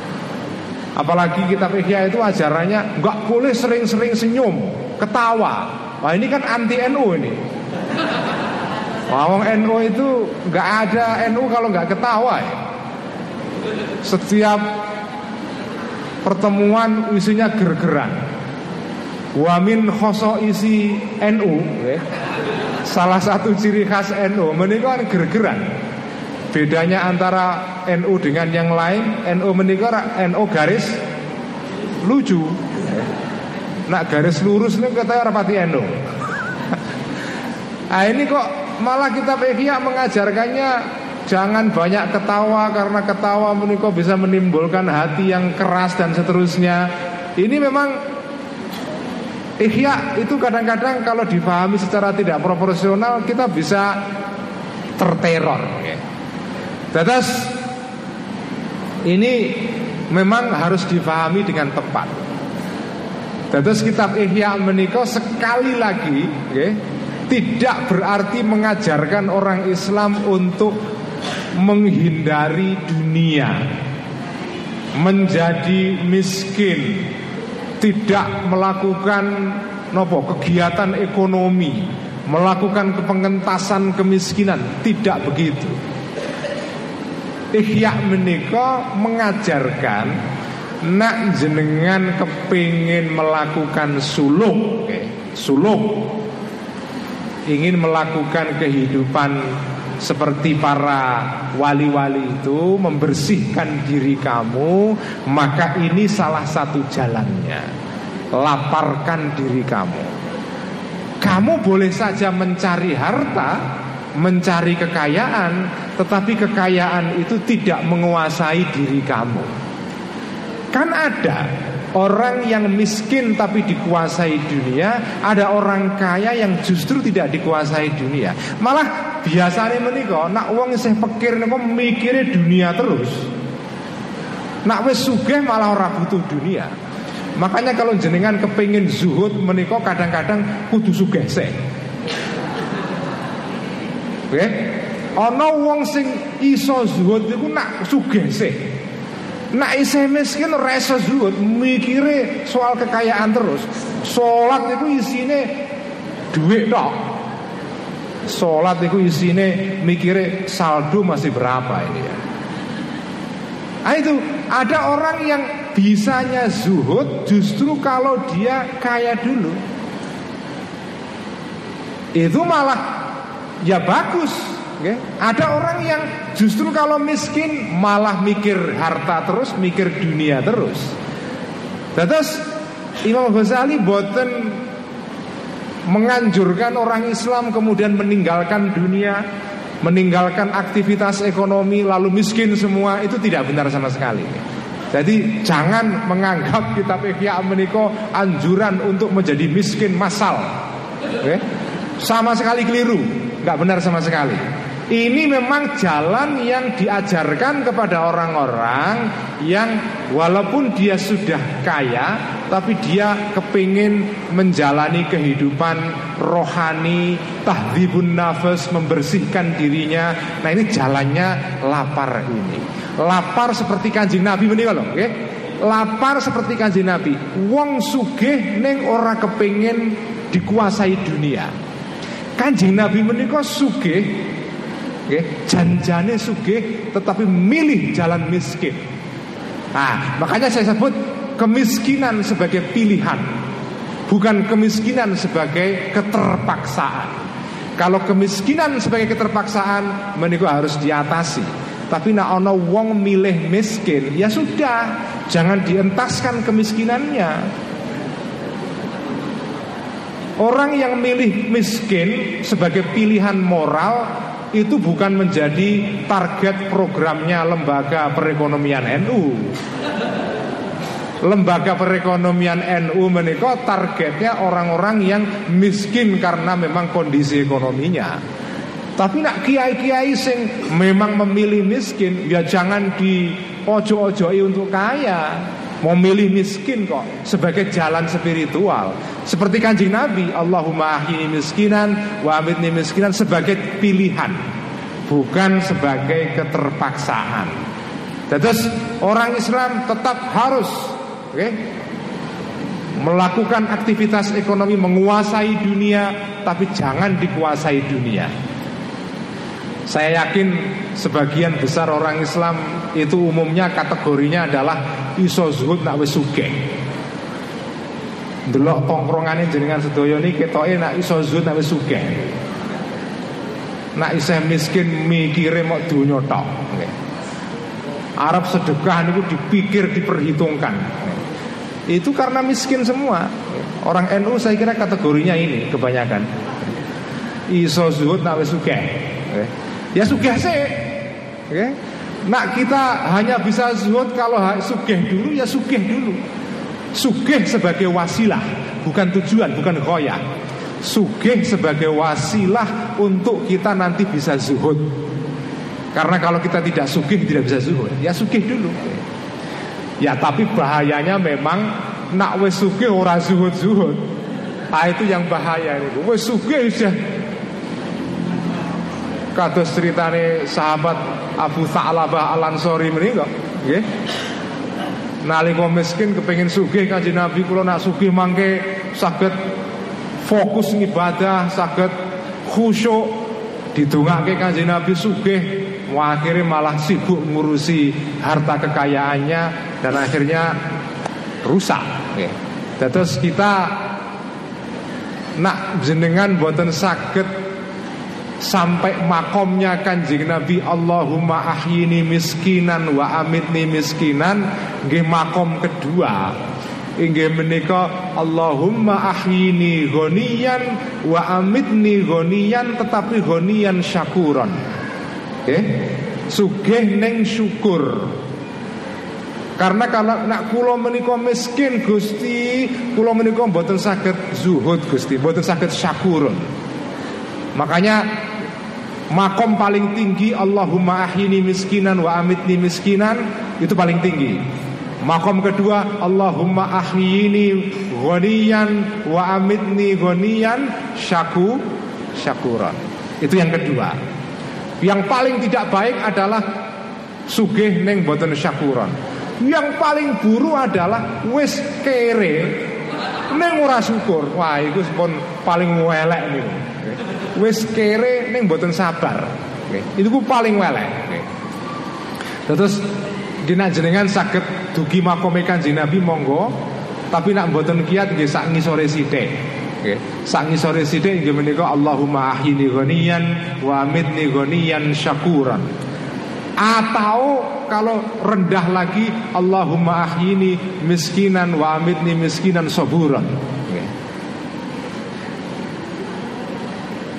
Uh, wakalat dan berkata Aisyah tu Siti Aisyah radhiyallahu anha.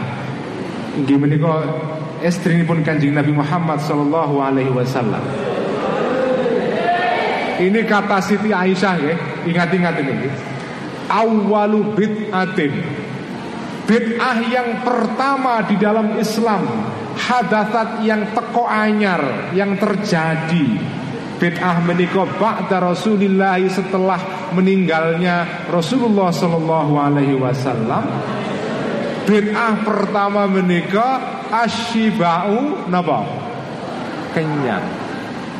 Terus bid'ah pertama dalam Islam menikah wong warek. warek menikah bid'ah pertama di dalam Islam.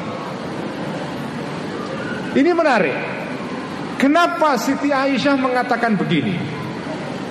Karena Siti Aisyah menikah Siti Aisyah menikah kan nalika dipun kawin dipun nikah kanjeng Nabi kan tesih nem sangat. Oke, okay, perawan nom-noman paling cantik di antara seluruh istri-istri kanjeng Nabi.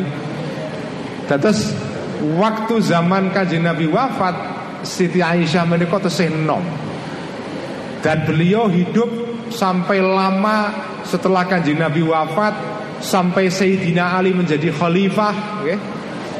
bahkan setelah itu dan Siti Aisyah menikah menyaksikan sendiri zaman wong Islam kanjeng naman kambing Nabi niku lapar, okay? kelaparan sampai menangi zaman wong Islam menikah sugih terus warek terus kenyang. Kenapa? Karena kalau kita baca sejarah Islam ya, naliko zaman Sayyidina Umar, ya, khalifah kedua, umat Islam meniko berhasil menaklukkan dua negara besar. Yang pertama Persia, ya, Iran saat meniko, kerajaan Sasan, wonten Persia, Menikah ditaklukkan zaman Sayyidina Umar. Yang kedua adalah menaklukkan Provinsi Romawi Yang ada di Palestina. Menikah nggak ditaklukkan zaman Sayyidina Umar. Termasuk Provinsi Mesir. Yang ditundukkan di bawah komando sahabat Amr bin As Provinsi Mesir menika nggih berhasil dipuntundukkan zaman Sayyidina Umar. Karena itu zaman Sayyidina Umar menika wong Arab sing asale kere, miskin, lapar karena mereka berhasil menguasai negara-negara di sekitar Arab dari yang lapar kemudian jadi kenyang. Karena itu Siti Aisyah mengatakan bid'ah yang pertama setelah kanjeng Nabi wafat yaitu orang-orang Arab yang semula lapar menjadi kenyang. Dari kere kere munggah balik. Nah ini, ini bid'ah pertama. Bid'ah yang pertama itu adalah kenyang. Karena dulunya zaman kanjeng Nabi orang-orang Arab itu tidak pernah kenyang. Ada yang memang miskin, ada yang memilih miskin. Okay? Ada yang miskin, ada yang memilih miskin. Nah, semula miskin kemudian setelah zaman Kanjeng Nabi lewat, zaman Sayyidina Umar, Sayyidina Utsman, kemudian puncaknya, poros ya, puncaknya itu adalah zaman dinasti Abbasiyah. Okay? Dinasti Abbasiyah menikah puncak keemasan orang-orang Arab orang-orang Islam yang semula kere kemudian kuaya raya, kuaya raya. Sampai dikisahkan pada zaman Khalifah Umar bin Abdul Aziz, salah satu khalifah dalam dalam negara Bani Umayyah, ya. zakat niku loh ngantek ditawak-tawak wong niku mboten nonton sing purun dizakati. Lazisnu niku ngantek susah mencari mustahik nih. Nak saat ini kan mustahik ini ku saat ini ku orang mustahik mengaku mustahik kok. ini kan ngoten kan. Ini zamannya boten mustahik ngaku mustahik. Ah niku zaman niku niku zakat niku ngantek ditolak-tolak karena nggak ada orang mau dizakati. Karena ya bukan mustahik. Artinya orang kaya raya. Ya kalau orang sudah kaya biasanya ya kenyang. Sudah pasti menikah. Terus menikah bid'ah pertama dalam Islam setelah wafatnya kanjeng Nabi Niku adalah kenyang. Ini menarik. Jadi Siti Aisyah menikah Melalui perkataan menikah Mungkin maksudnya mengkritik. Iki orang Arab lali zaman kanjeng Nabi dulu lapar Sekarang menjadi kenyang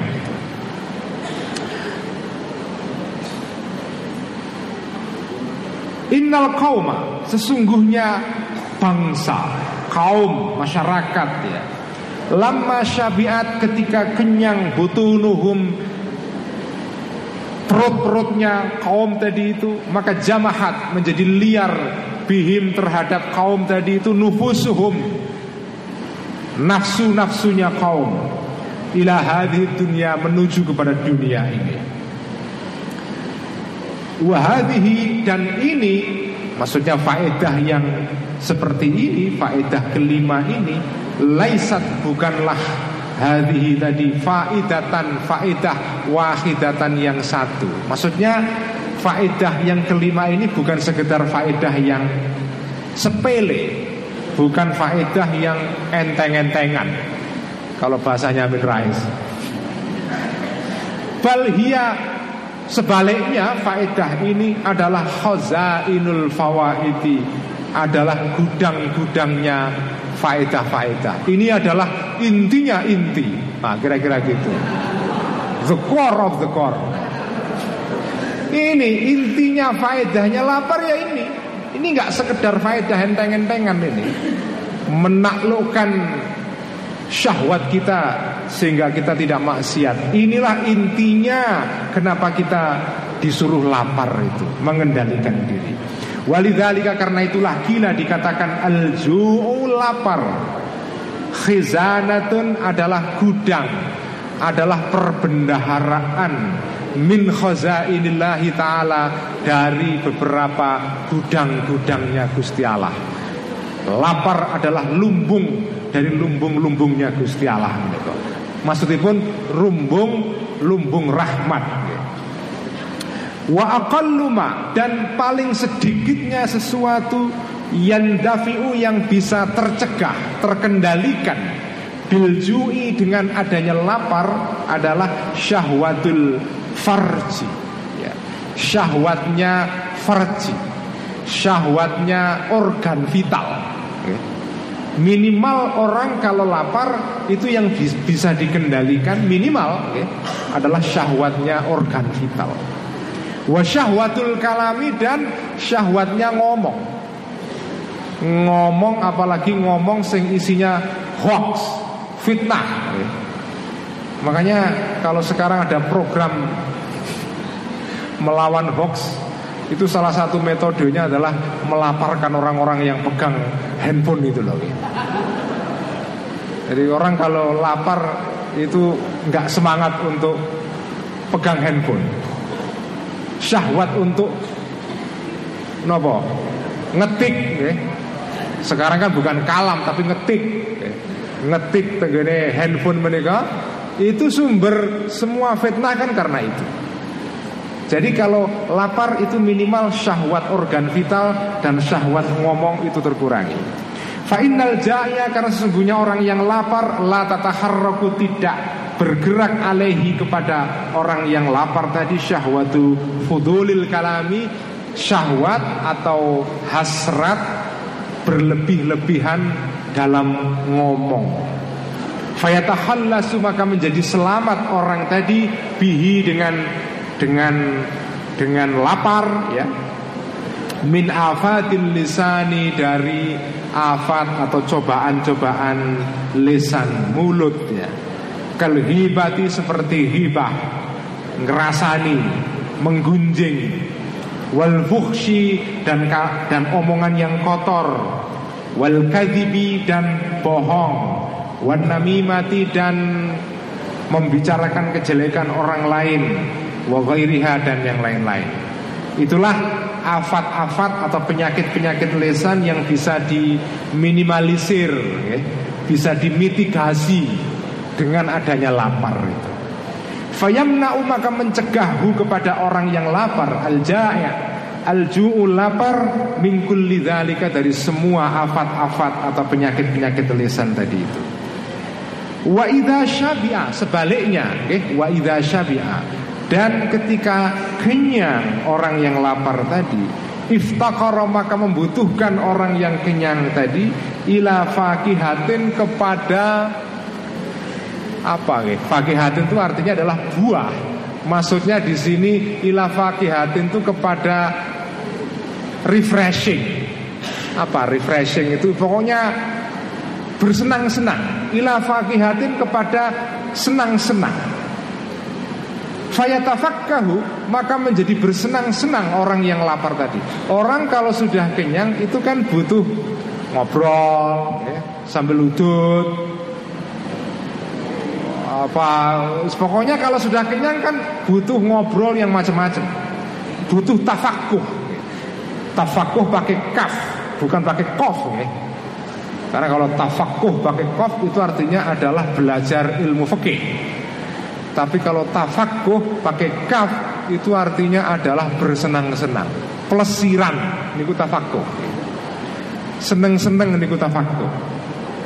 La mahalata pasti bersenang-senang bi'aradin nasi dengan menggunjingkan napa okay? harga diri orang-orang. Maksudnya rahasia orang-orang. Dan menariknya gitu, manusia ini menarik gitu, jenengan jenengan amati gitu. Kenapa kita ini kok suka kalau menggunjingkan kejelekan orang? Ada kenikmatan gitu. Nak membicarakan kebaikan tuh nggak nikmat. Ah, tapi nak meng menggunjingkan sesuatu yang jelek, aibnya orang, itu nikmat sekali nih bu. Bisa berjam-jam itu kita menghabiskan rumor-rumor ya tentang nggak tahu nih manusia itu menikmati menggunjingkan kejelekan orang lain. Saya juga suka sama nggak usah kita nggak usah anu lah pura-pura ya. Sok suci ah semua sama lah. Kita semua niki punya kecenderungan yang sama. Manusia menikah ya, sukanya menikah menggunjingkan kejelekan orang lain kalau dipikir-pikir, kenapa kita kok suka menggunjingkan kejelekan, bukan kebaikan? Mungkin alasannya ya, menggunjingkan kejelekan orang lain itu menimbulkan kesenangan karena nek wong liyo elek, kita merasa diri kita aku ra elek kaya wong kae.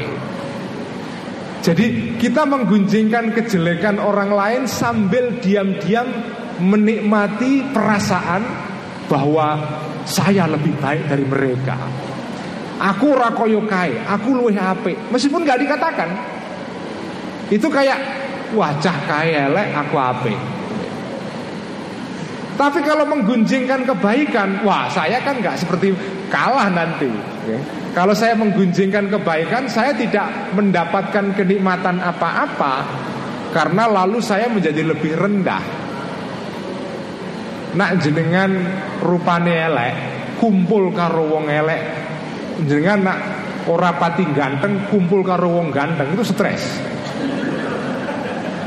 Nak ana wong ayu eh nak ana wong sing ora ayu kumpul karo wong ayu-ayu. Wis stres niku. Tapi nak jenengan ganteng kumpulane wong elek wah seneng. Eh. wah aku luwe apik niku itu penjelasan konon katanya kenapa dulu Haji Roma Irama niku nak main film. Niku sengaja memilih partner-partnernya itu sengaja ele-ele biar dia yang paling ganteng sendiri konon katanya. Terus kalau saya menggunjingkan kejelekan orang lain itu saya menikmati. Kenapa? Ya karena saya merasa lebih baik.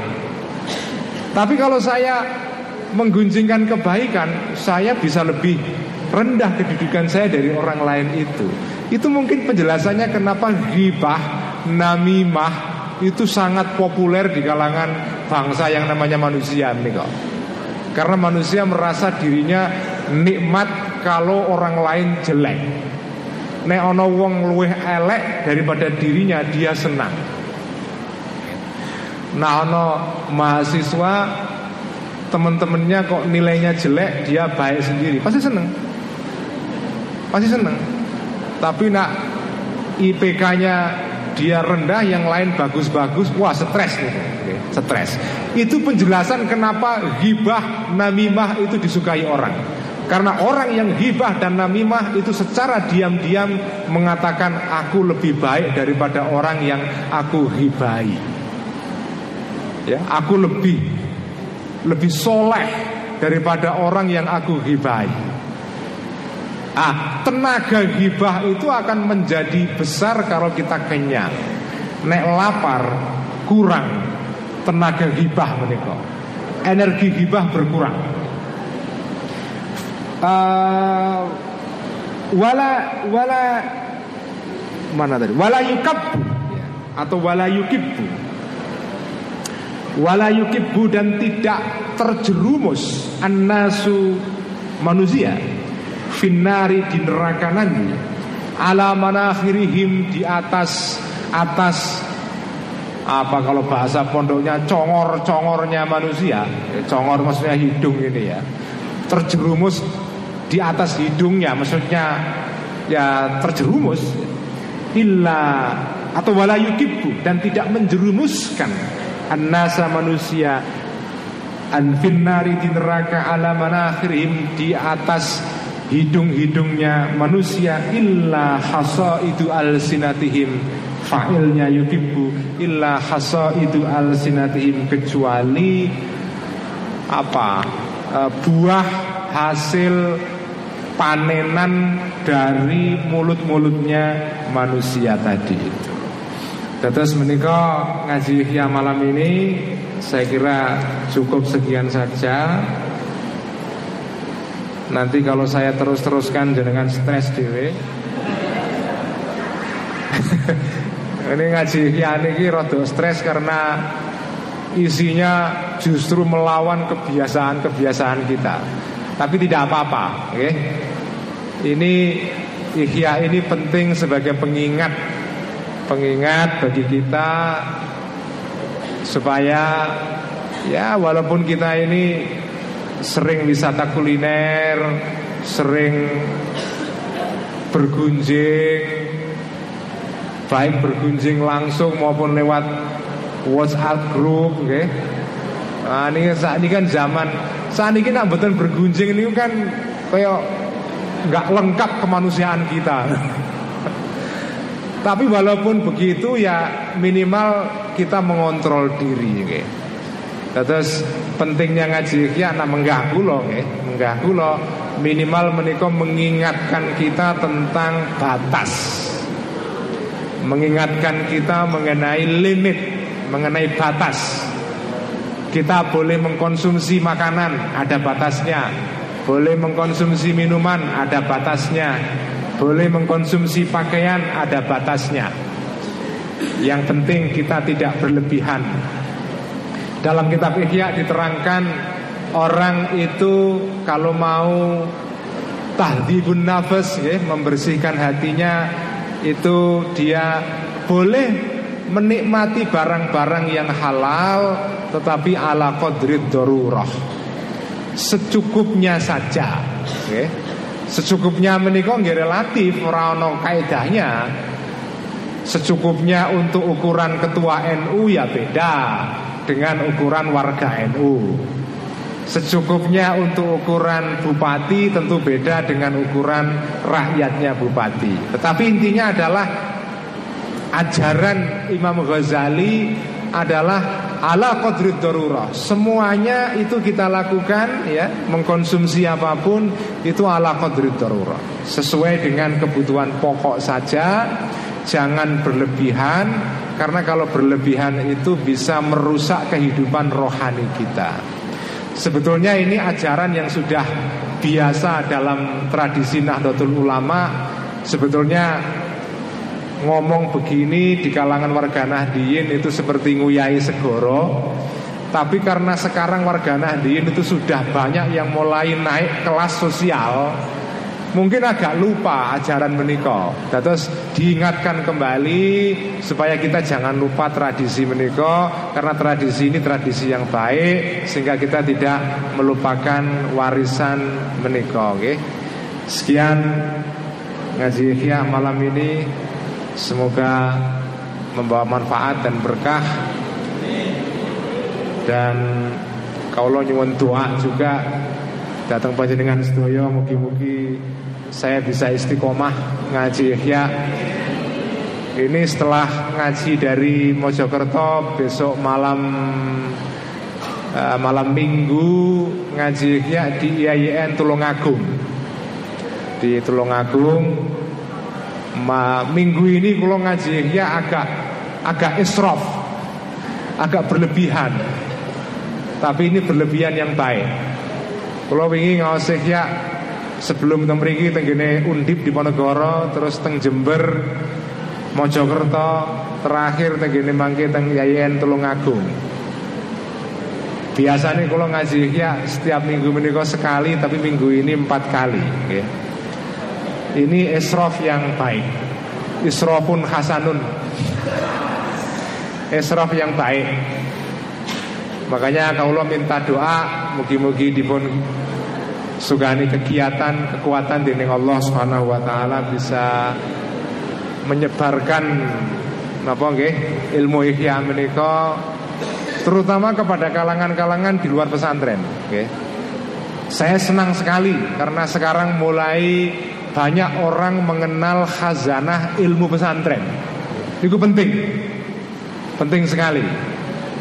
Orang NU sekarang kalau bisa jangan terlalu banyak atau terlalu lama-lama menggunakan ilmu hikam. Ilmu hikam menikah untuk zaman normal. Menikah zaman buatan normal, jadi kalau bisa kita menggunakan ilmu yang tidak normal juga. Wong lain edan ya kene kudu melok sithik-sithik edan lah. Nah, menggah Gusmus menika abaipun istri kula sing kalah ojo ojo ngalah sing napa sing waras ojo ngalah biasanya nak kiai-kiai mbiyen mereka ajarane sing waras ngalah niku nak zaman normal Menik, zaman orang normal, zaman asu enak saniki. Jadi sekarang yang waras jangan sampai ngalah. Karena kalau kita ngalah, ini dunia akan dikuasai oleh orang-orang yang tidak waras. Nah, cara kita untuk tidak ngalah adalah ya menyebarkan ilmu-ilmu pesantren seperti ini. Karena itu sekali lagi saya ingin menghimbau kepada kiai-kiai NU, santri-santri NU, banjirilah, okay? banjirilah dunia digital ini dengan ilmu-ilmu pesantren. Nopo mawon, okay? nopo mawon, baik ilmu nahwu, ilmu sorof, ilmu fikih, ilmu tafsir, ilmu hadis, ilmu tasawuf terutama, ilmu akhlak, semua disebarkan melalui dunia digital. Sak menika nak mriyen menika al ilmu yukta wala yakti. Kan ngoten nggih? Zaman riyen niku nak il, al, al ilmu yukta wala yakti. Ilmu niku diparani. Nak jenengan kepingin ngaji ya datang ke kiai ngaji. Tapi zaman digital ini memang mengubah segala-galanya. Sekarang ilmu menika yakti wala yukta. Ilmu saniki moro piyambak. Nggih. Buka YouTube ilmu kabeh saniki. Ngaji sedaya, nggih wonten sing ngaji wonten sing dangdutan juga. Tapi saat menika ilmu menika yakti wala yuta. Ilmu sekarang datang sendiri ke kita gratisan lagi. Okay. Menika zaman digital. Terus berkebalikan dengan zaman dulu. Dulu al ilmu yukta wala yakti. Sekarang al ilmu yuk yakti wala yukta. Ilmu sekarang datang sendiri kepada kita, nggak usah didatangi. Ini yang repot para kiai. Dulu ketika al ilmu yukta menika ilmu diparani, menika diparani karo nggawa gula kopi. Saniki karena al ilmu yati gula kopine hilang kabeh saniki. Lain betul napa-napa, okay? Jadi sekarang ilmu menikah datang sendiri kepada orang-orang dengan gratis. Nah, karena ilmu sekarang sudah datang dengan gratis, ilmu yang mana? Ilmunya orang-orang pesantren ala NU ini, apa ilmunya orang lain? Nah, sekarang ini lebih banyak ilmu yang yakti menikah buatan ilmunya orang pondok. Orang-orang pondok sing ngaos melalui dunia teknologi digital menika nggih dibanding kali tiang-tiang senes tesih tesih kalah menika. Terus sekarang kita harus merebut ruang digital menika dengan mengisi membanjiri ilmu-ilmu pesantren. Okay. Banjirilah ilmu dengan ilmunya orang pesantren dan dengan begitu insya Allah kita merawat Indonesia.